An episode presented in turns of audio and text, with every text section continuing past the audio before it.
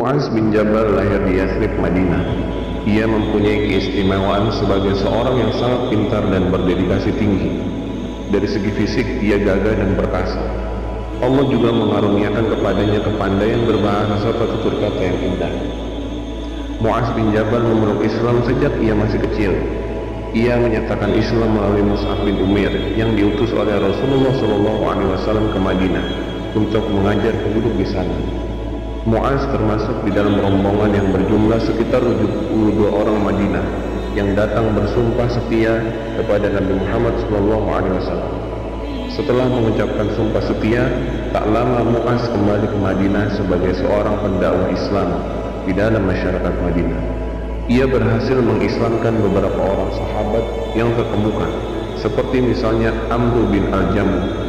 Pada waktu Nabi SAW berhijrah ke Madinah, Muaz senantiasa berada bersama dengan Rasulullah SAW sehingga ia dapat memahami Al-Quran dan syariat-syariat Islam dengan baik.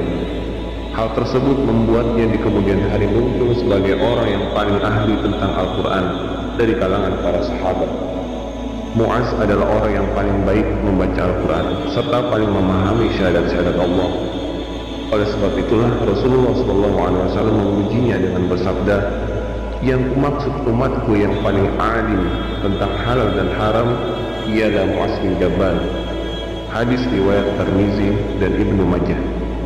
Selain itu, Muaz merupakan salah satu dari enam orang yang mengumpulkan Al-Quran pada zaman Rasulullah SAW. Setelah peristiwa pembebasan kota Mekah, maka masuk Islamlah seluruh penduduk setempat.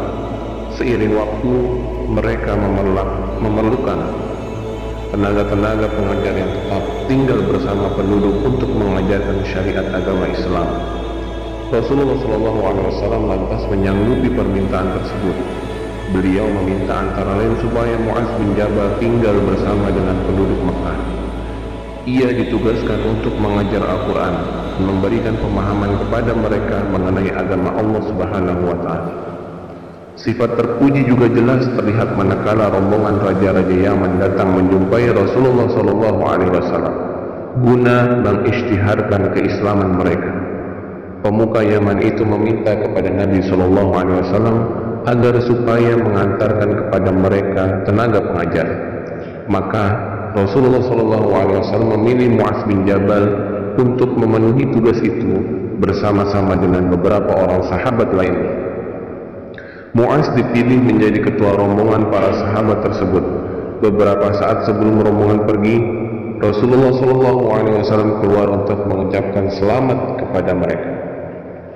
Lantas beliau mewasiatkan kepada Muaz, Wahai Muaz, kemungkinan kamu tidak akan dapat bertemu lagi dengan aku selepas tahun ini. Malah mungkin juga selepas ini kamu akan melalui masjid dan kuburku. Sontak saja Muaz menangis.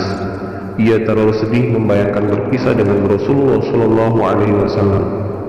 Selepas peristiwa tersebut ternyata benar. Nabi Muhammad Shallallahu Alaihi Wasallam wafat, sedangkan Muaz tidak lagi dapat berjumpa dengan beliau.